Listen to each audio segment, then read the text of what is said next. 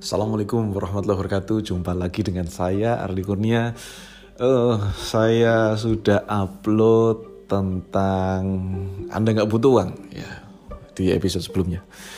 Jadi di situ ada satu ungkapan saya yang mungkin Anda cukup tergelitik bahwa sebetulnya kita nggak butuh uang dan alasannya adalah karena uang nggak bisa dicetak maksudnya negara yang bisa cetak uang kita sendiri nggak bisa cetak uang. Artinya kalau kita butuh uang kita nggak bisa serta merta kita ngeprint sendiri terus kemudian uangnya kita belanjain. Itu namanya pemalsuan uang. Tetapi sebetulnya anda bisa mencetak nilai. Yang mana nilai sama dengan uang. Ya. saya ingin ceritakan kemarin uh, saya ada proyek ya. Saya ada proyek bangun rumah, rumah rumah saya sendiri ya, rumah yang kesekian.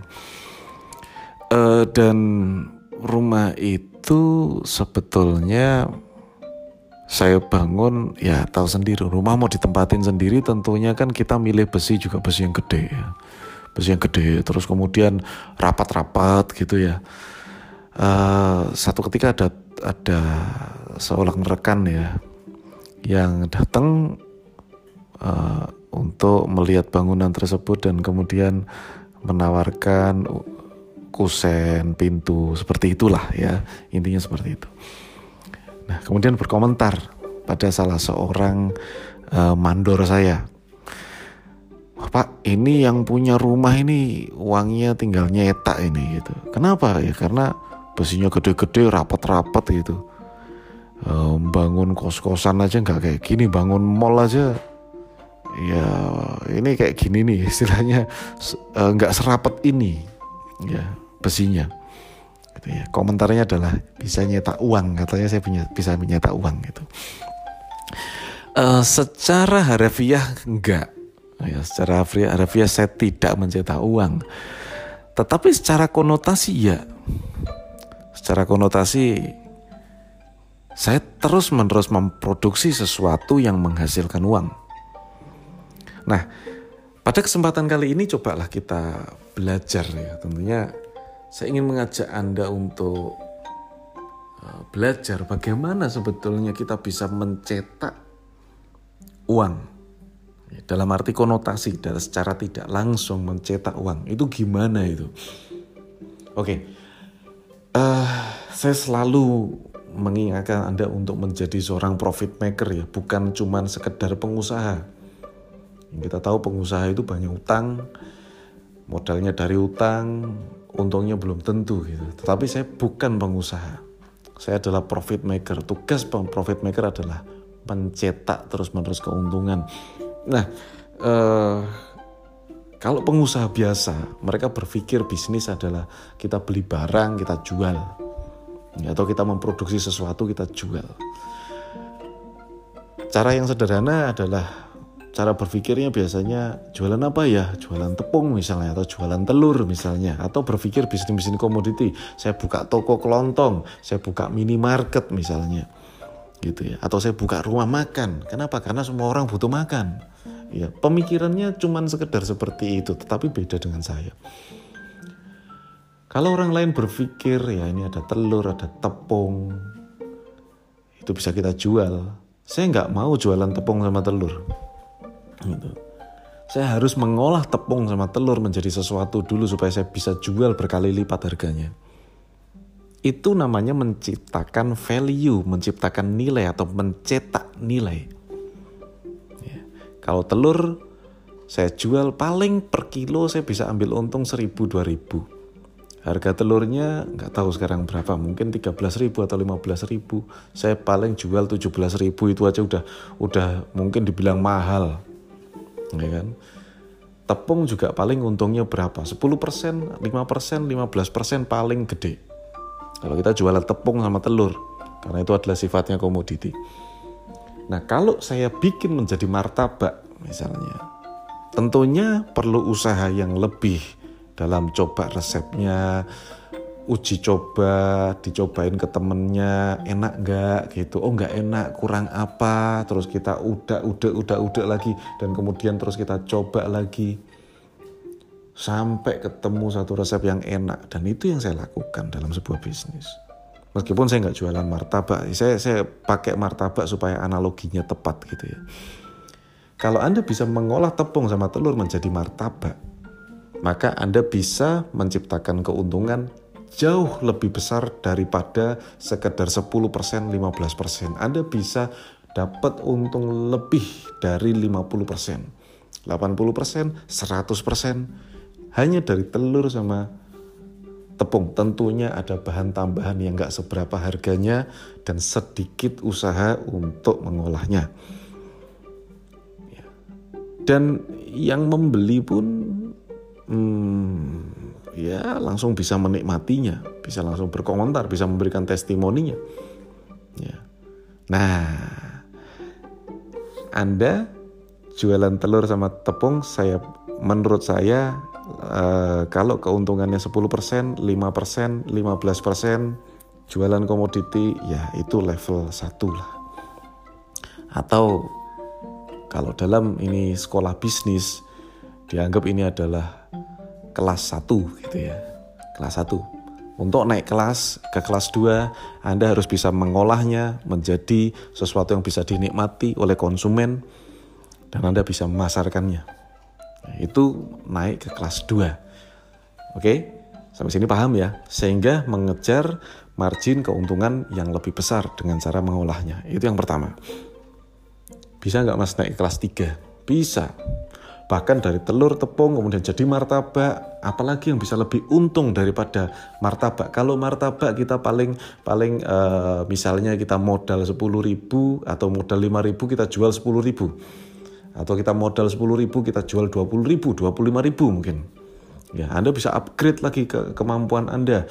Dikemas sebagian sedemikian rupa dan Anda bikin brand maka kalau Anda modal 10 ribu Anda bisa jual 30 ribu dengan membesarkan brand Anda naik level 3 ya jadi naik level 3 atau Anda naik kelas ke kelas 3 apabila Anda tidak hanya sekedar jualan martabak tapi Anda menjual merek atau brand Anda. Oke? Nah, nggak level 3. Maka keuntungan Anda bisa bisa lebih dari 100% dengan mengemasnya lebih baik, memberikan merek yang baik. Kemudian, cara nyetak uang yang berikutnya bagaimana?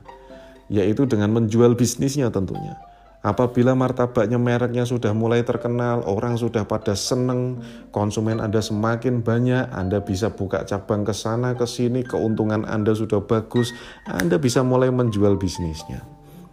Kalau Anda jual franchise martabaknya, satu kali meraih keuntungan, dari menjual franchise Anda bisa dapat 20 juta, 30 juta, mungkin 50 juta, saya nggak tahu, tergantung gerobak martabaknya sebesar apa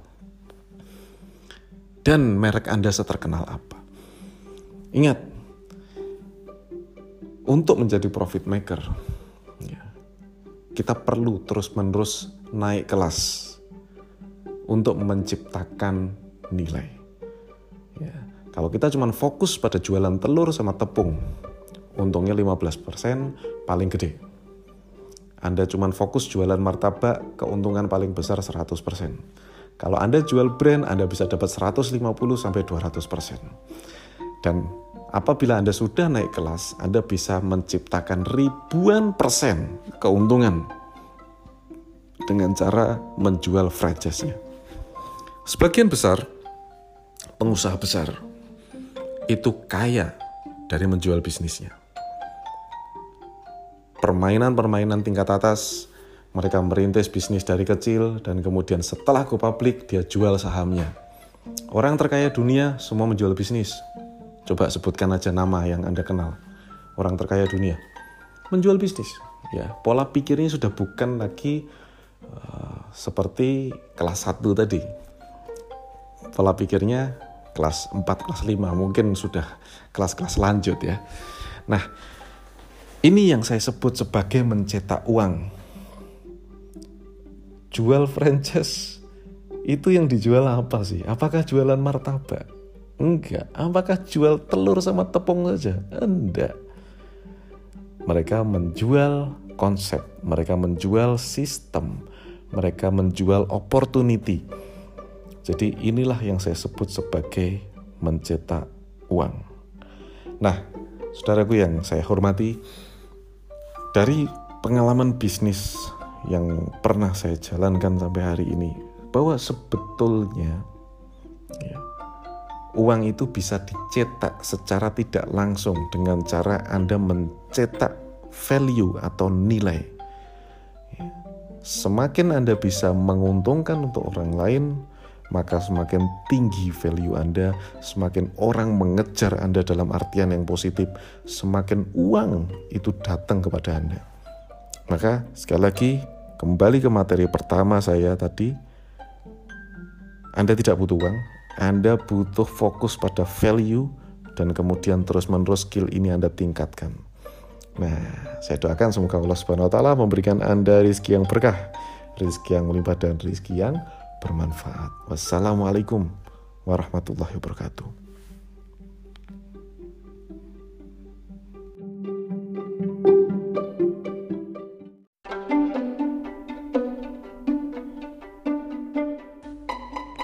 Assalamualaikum warahmatullahi wabarakatuh. Jumpa lagi dengan saya Arli Kurnia. Kali ini saya akan ceritakan tentang episode mencetak uang bagian 2.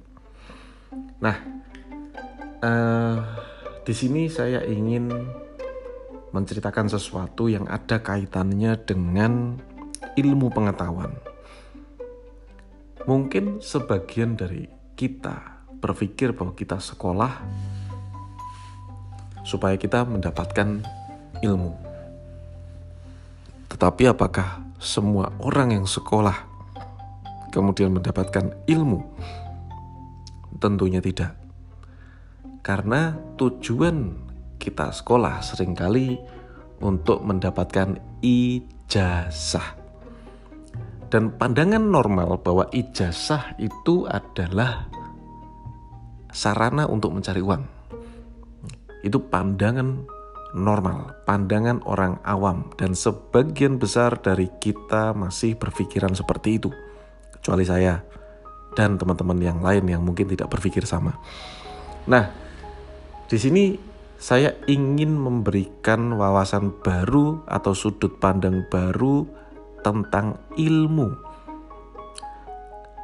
Bahwa sebetulnya menurut saya ijazah tidak sama dengan uang. Jadi Anda punya pendidikan seperti apa itu tujuannya bukan untuk mencari uang. Ya. Karena kalau Anda mengandalkan ijazah untuk mencari uang, yang terjadi adalah Anda akan terjebak dengan bayangan yang semu.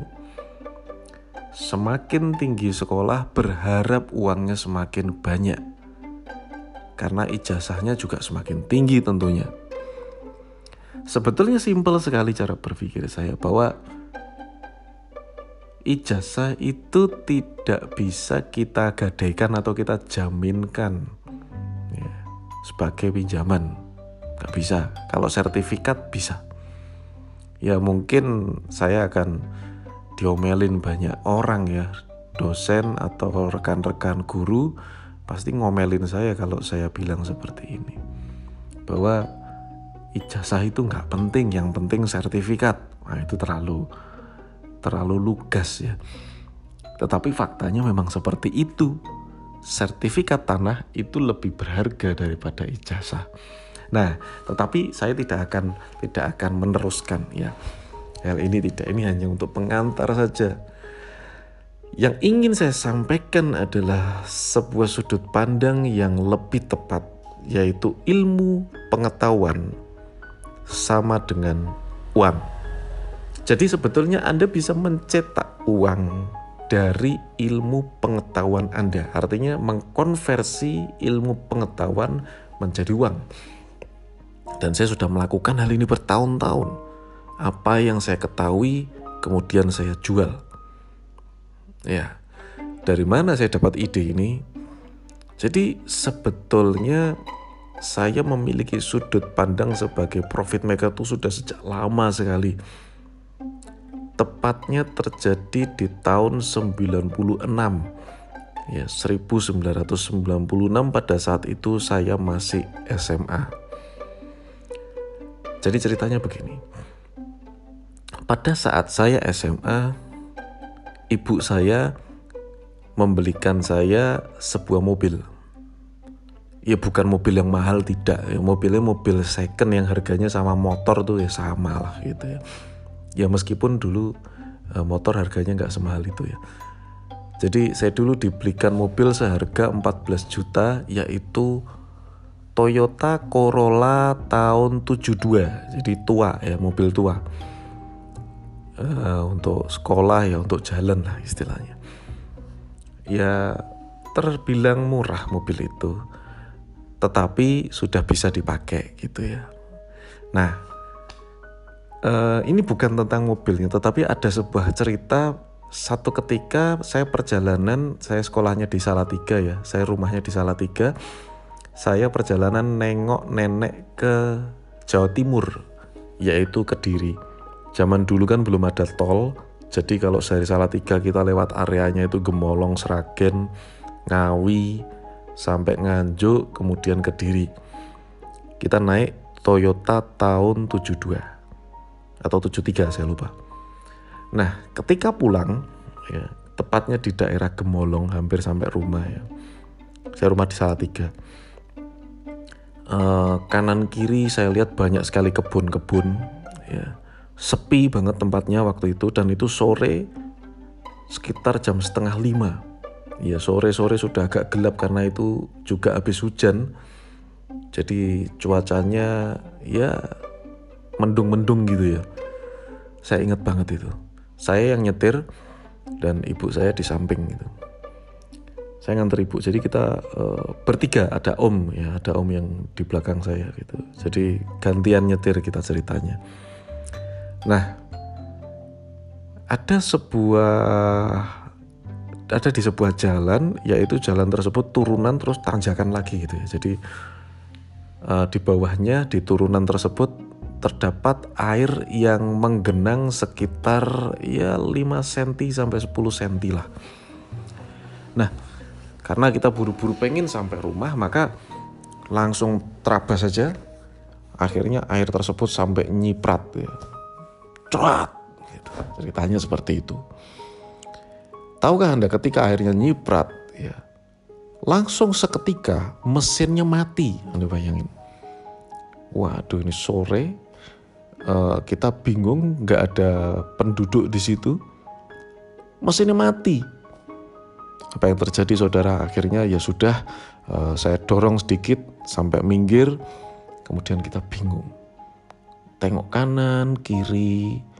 Ini diapain mobil ini gitu kita buka kita lihat ya. Kayak apa yang salah nih gitu. Di starter gigi tapi nggak mau hidup gitu. Ya. Tetap nggak mau hidup. Ya starternya bisa tapi nggak mau hidup mesinnya. Apa nih yang terjadi nih? Ya di gas-gas juga ngempos. Dipikir karburatornya atau apanya gitu. Wah ini sekitar setengah jam kita utak-utak sampai belepotan akhirnya bingung kan adalah seorang lewat naik motor berhenti Ya, alhamdulillah nih berhenti orangnya, bapak-bapak. Kemudian dia tanya, ada apa mas? Ini macet pak, tadi kena genangan air tiba-tiba mesinnya mati. Ada bengkel nggak ya pak ya deket sini? Waduh kalau bengkel jauh mas. Tapi orang yang kerja di bengkel kota itu rumahnya deket sini. Nah, jam segini sudah pulang pak. Ah kebetulan udah kalau jam segini biasanya orangnya di rumah. Biasanya loh ya. Nah, mau diantar? Ya pak tolong dong pak antar kita pak gitu. Akhirnya kita diantar ke tukang bengkel ya naik motor si bapak. Terus akhirnya bersama montirnya kita samperin mobilnya dan kemudian sambil tangannya disilangkan di depan dada terus dia tengok tengok lagi tengok tengok kelihatan ya wajahnya mikir gitu sambil manggut manggut manggut manggut akhirnya dia bilang pak saya nggak bawa kain lap di mobil ada nggak kain lap? Oh ada, lap kering gitu ya. Oke bolehlah lap kering. Apa aja bekas-bekas apa kaos apa-apa gitu. Akhirnya diambilkan sama om saya lap kering. Kemudian dia ambil kabel yang dari koil, cabut, kemudian dilap pakai kain lap, dipasang lagi, sudah. Sekarang di starter. Kemudian di starter lah mobilnya. Ternyata hidup. Nah, wah senang banget kita. Terus akhirnya saya tanya, makasih ya pak ya. Oke pak, ini berapa ongkosnya? Gitu. Totalnya 150 ribu mas. Gitu. Loh, mahal banget pak, 150 ribu. Nah iya, yang 10 ribu itu adalah ongkos ngelapnya. Yang 140 ribu itu adalah ilmu pengetahuan untuk tahu bagian mana yang harus dilap. Dan sampai sini Anda paham ya. Ini bisa menjadi pelajaran dan itu saya ingat sampai hari ini. Itu kejadian dari tahun 97 ini sekarang tahun 2020 Anda bayangin. Itu masih saya pakai saudara sekalian. Coba Anda bayangkan. Ijazah dan ilmu pengetahuan itu adalah dua hal yang berbeda. Ilmu pengetahuan itu bisa menjadikan kita memiliki lebih banyak uang. Tetapi ijazah tidak demikian. Ya. Ya mungkin Anda bisa berpendapat semakin tinggi ijazah saya, saya bisa melamar kerja atau saya bisa naik karir lebih cepat. Ya silakan saja. Tetapi tidak bisa dilipat gandakan. Tapi ilmu pengetahuan bisa dilipat gandakan, bisa dijual. Ya. Nah, dari pengalaman ini, maka terbesitlah sebuah uh, prinsip profit maker. Sebetulnya apa pun, ya, apa pun itu bisa. Saya bisa ambil sebuah contoh. Siapa sih yang nggak bisa buka laundry sebetulnya zaman sekarang ini? Siapa nggak bisa buka laundry? Siapa pun bisa buka laundry. Anda bayangkan, bagaimana kalau kita mengembangkan ide semacam ini? Kalau buka laundry, paling kita ambil keuntungan berapa? Satu laundry di rumah, satu mesin, mesin cuci, Anda paling bekerja untuk mencuci pakaian orang dan kemudian Anda bisa dapat upahnya. Itu tidak salah, tetapi keuntungannya kecil. Masih ingat materi saya sebelumnya? Yaitu tentang bagaimana kita bisa melipat gandakan atau mencetak uang mengenai uh, level atau kelas ya dalam dunia bisnis. Ya, kita kalau buka laundry aja itu masih kelas 1. Jika Anda mengemas laundry Anda, membuat brand atau merek laundry Anda, maka Anda bisa naik level kelas 2. Oke, tapi ini baru naik level.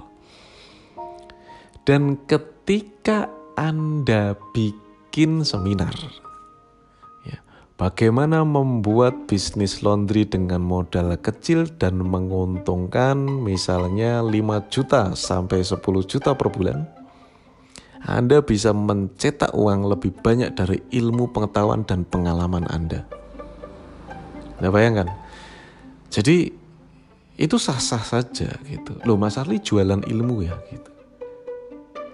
Sebetulnya ilmu pengetahuan itu gratis. Kita dapat dari pengalaman, kita dapat dari belajar. Ya, dua-duanya, belajar juga, praktek juga. Saya mengibaratkan ilmu pengetahuan itu seperti uh, kita punya pohon. Satu contoh, saya punya pohon mangga yang misalnya saya tanam di depan rumah dan itu bertumbuh sampai berbuah lebat sekali dan manis buahnya. Buah dari pohon mangga itu saya ibaratkan sebagai ilmu pengetahuan. Jadi kalau ada orang lewat, tetangga saya lewat, teman saya lewat, lihat Mas Arli kok mangganya enak banget, boleh nggak saya minta? Oh silahkan, minta. Jadi saya berbagi.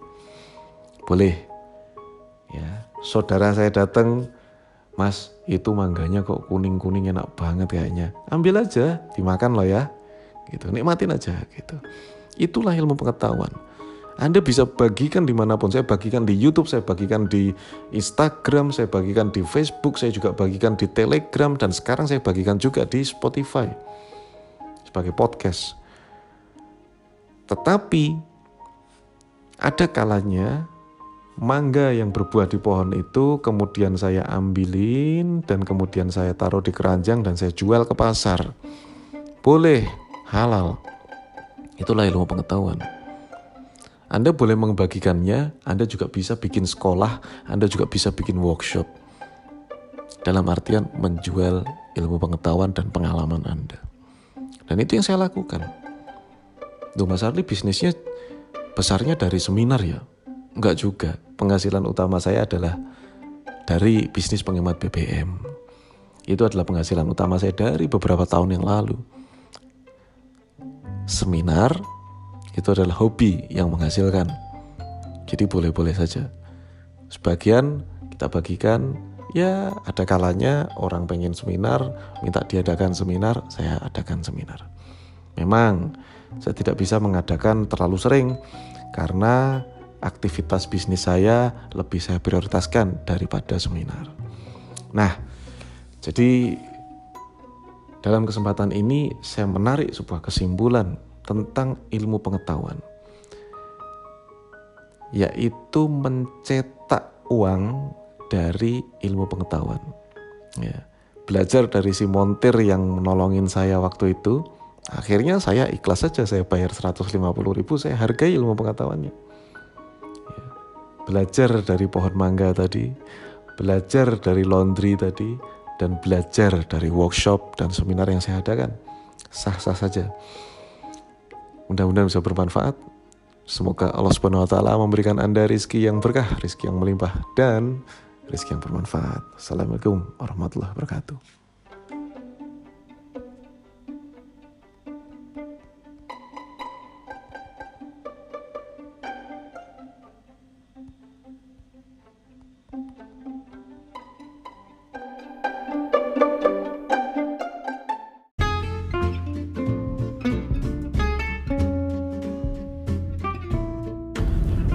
Assalamualaikum warahmatullahi wabarakatuh.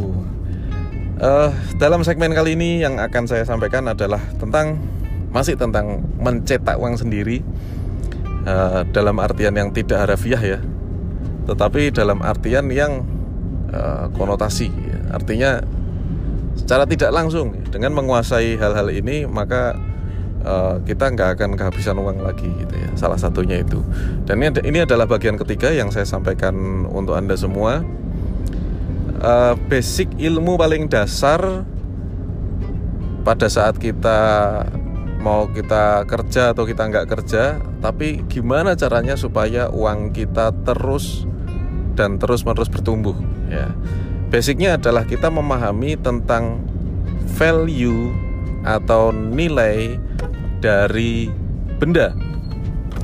Jadi kita berfokus pada value atau nilai dari benda dalam hal ini yang akan saya sampaikan adalah uh, sebelum kita melakukan sesuatu ya dasar ilmunya adalah kita harus paham sifat atau karakter nilai dari sebuah benda itu seperti apa.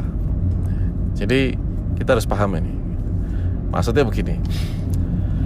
Uh, misalnya Anda membeli sebuah apa namanya? Anda membeli sebuah makanan ya. Let's see misalnya Anda beli burger ketika Anda beli burger Anda beli senilai 10 ribu. Terus Anda nggak makan burger itu. Maka besok burgernya menjadi basi sehingga nilainya berkurang ya atau habis bahkan. Artinya adalah barang yang kita konsumsi itu adalah, adalah sesuatu yang nilainya itu habis. Jadi habis beli ya langsung dimakan mau habis sekarang bermanfaat atau habis begitu saja dengan artian mubadir ini pelan-pelan kita belajarnya.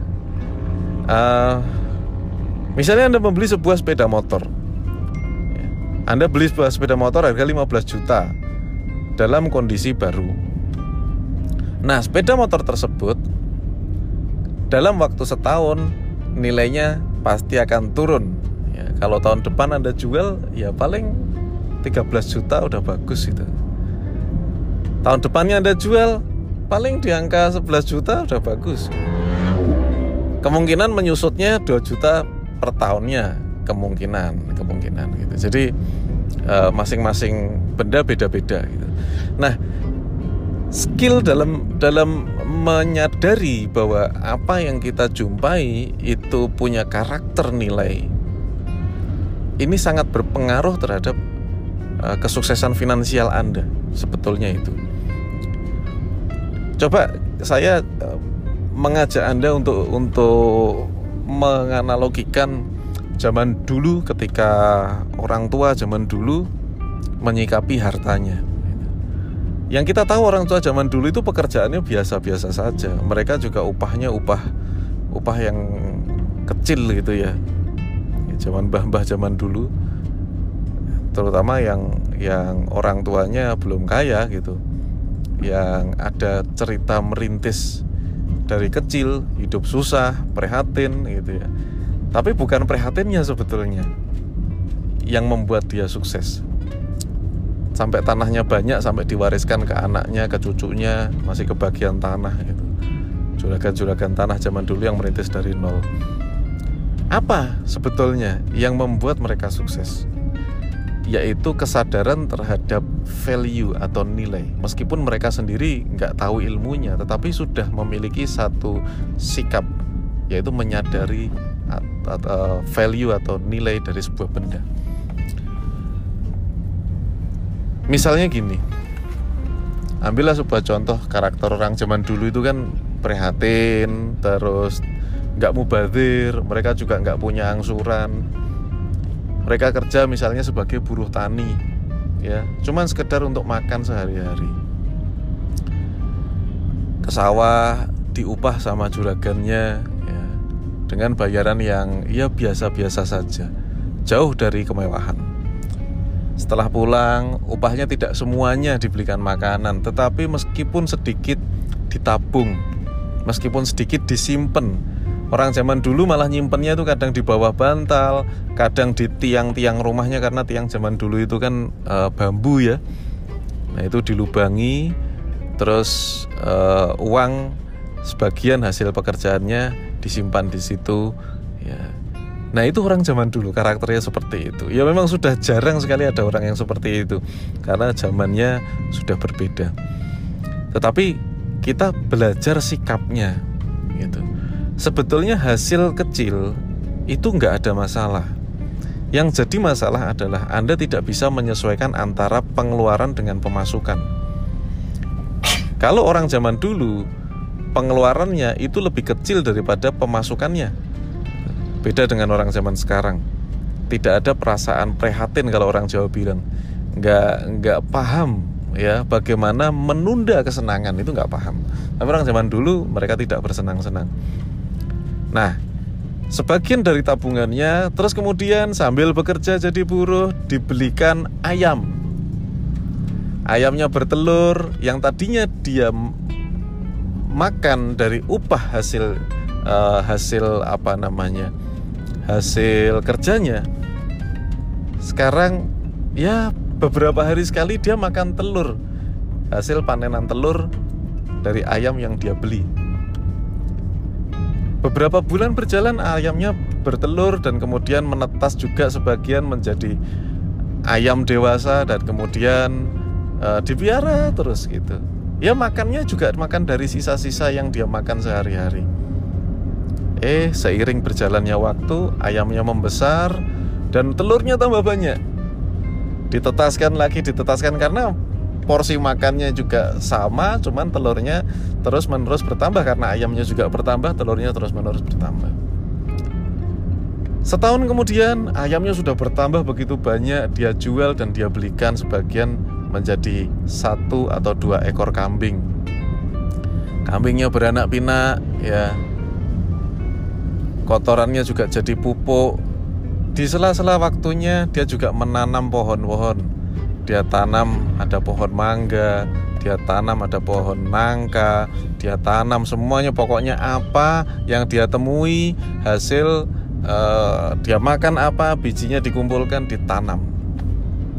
Ini sebuah prinsip. Saya akan menganalogikan pada anda. Sehingga satu ketika dia tidak bekerja pun tanamannya berbuah ayamnya bertelur kambingnya juga masih ada.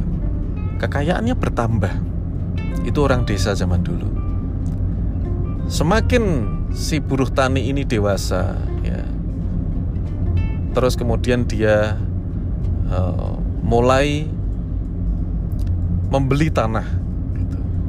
beberapa kambingnya sempat dijadikan sapi terus sapinya dijual dia berikan tanah kebun yang jauh dari perkotaan dan harganya juga nggak mahal karena mampunya itu kebunnya juga ditanami akhirnya kebunnya berbuah. Sapinya beranak kambingnya beranak ayamnya bertelur. Lama kelamaan si buruh tani ini sudah tidak lagi menjadi buruh tani. Tetapi memiliki sawah sendiri dan merawat kebun-kebunnya sendiri. Semakin lama kebunnya semakin bertambah semakin lama kebunnya semakin bertambah dan zaman berubah.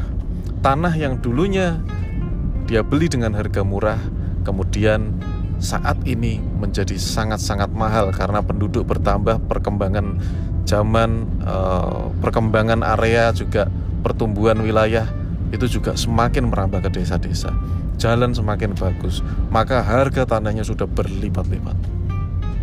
Di usia yang sudah tua, bukannya tambah miskin, tetapi tanahnya hasil dari tabungannya selama dia hidup bisa dia wariskan ke anak dan cucunya. Dari ilustrasi ini kita bisa belajar. Makanya kenapa kok orang zaman sekarang ini nggak bertumbuh-tumbuh gitu? Ekonominya nggak berkembang-berkembang gitu. Mungkin Anda masih merasa setiap setiap tahun ganti tahun kok saya tetap seperti ini Mas Arli. Saya kok nggak berubah. Saya tetap ngangsur rumah gitu mobil saya nggak lunas-lunas gitu. Malah cicilan kartu kredit saya malah tambah bengkak gitu. Saya bisnis gagal modalnya juga modal bank. Angsurannya masih bisnisnya udah tutup. Berapa banyak kita yang mengalami hal seperti ini? Zaman sekarang kita berpenghasilan besar saudara. Jauh lebih besar daripada kakek nenek zaman dulu.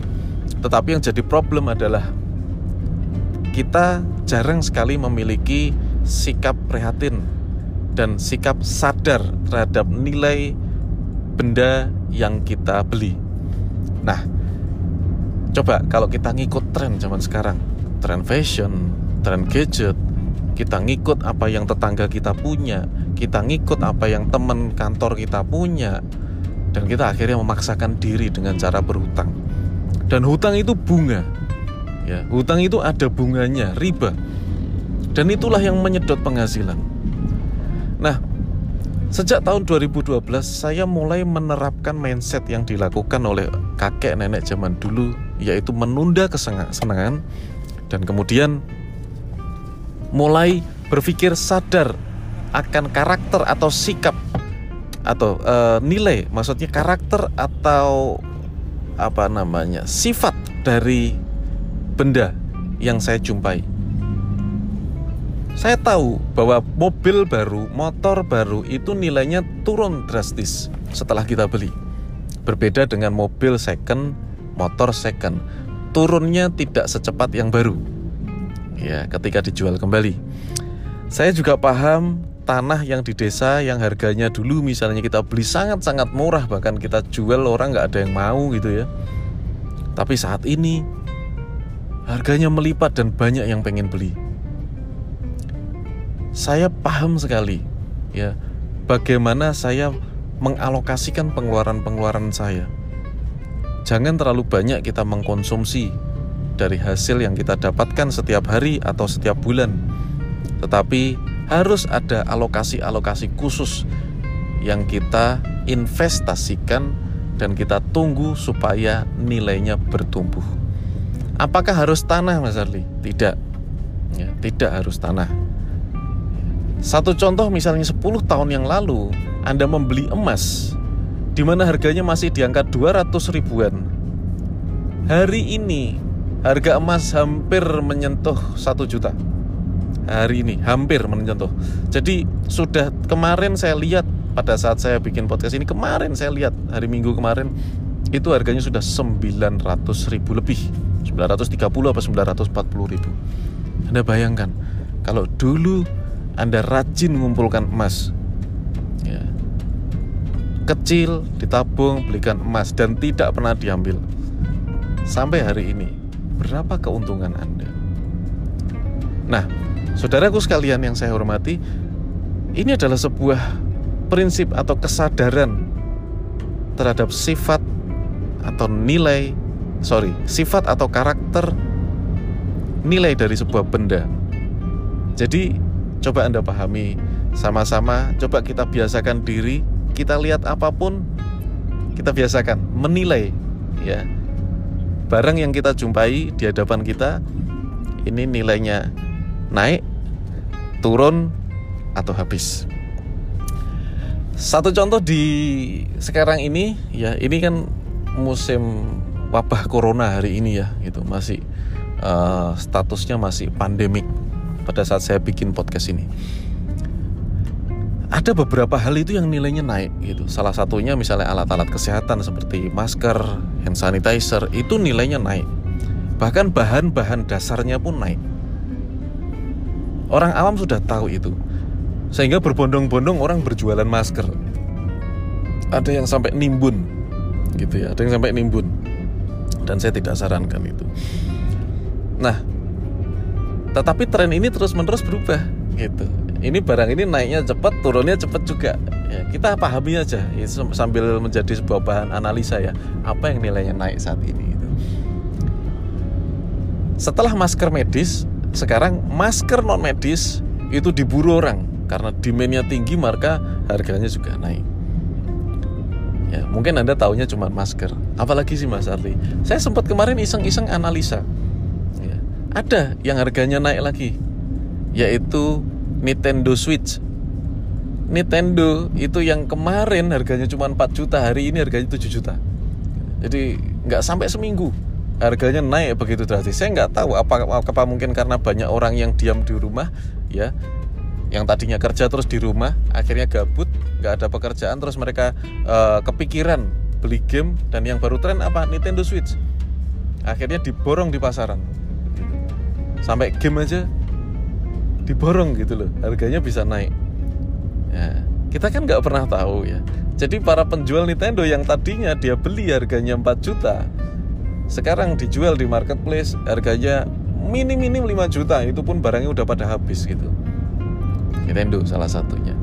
Terus juga yang pengaruh dengan pandemi ini adalah emas ya salah satunya. Kemarin masih nyenggol di angka eh, 700 sekian beberapa minggu yang lalu dan kemudian naik 800 dan sekarang 900 ribu. Coba kita pahami lagi karakter-karakter beda saya yakin beberapa uh, Anda juga sudah sudah tahu ada misalnya motor.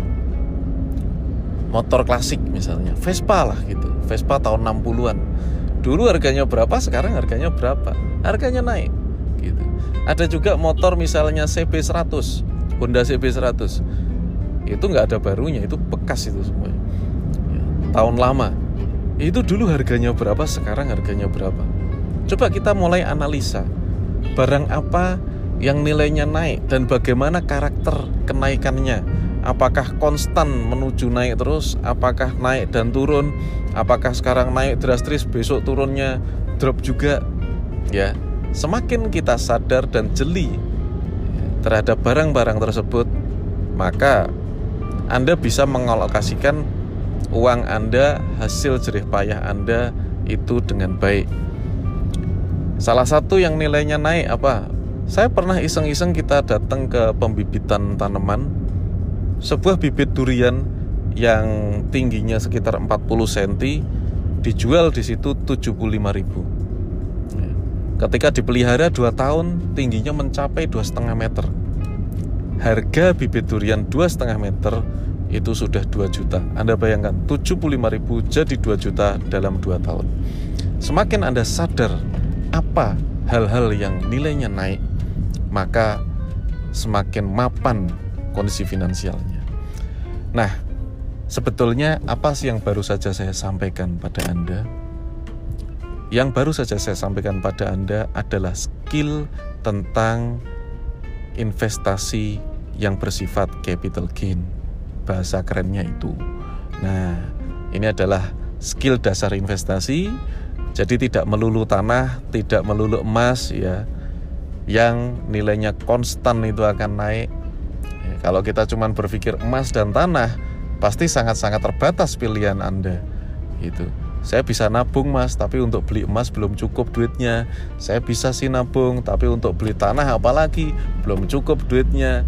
Saya menerapkan cara yang paling simple, yaitu saya membeli emas secara rutin dan kemudian ketika jumlahnya mencukupi untuk membeli tanah, saya rutin juga membeli tanah. Sehingga apa? Hasil kerja keras saya, misalnya dulu saya menghasilkan keuntungan tiga tahun lalu, oh sorry, tahun 2012 saya pernah menghasilkan keuntungan dan hasil tabungan saya sekitar 125 juta misalnya. Saya belikan tanah di kampung dan kemudian hari ini nilainya sudah bisa menjadi 350 juta.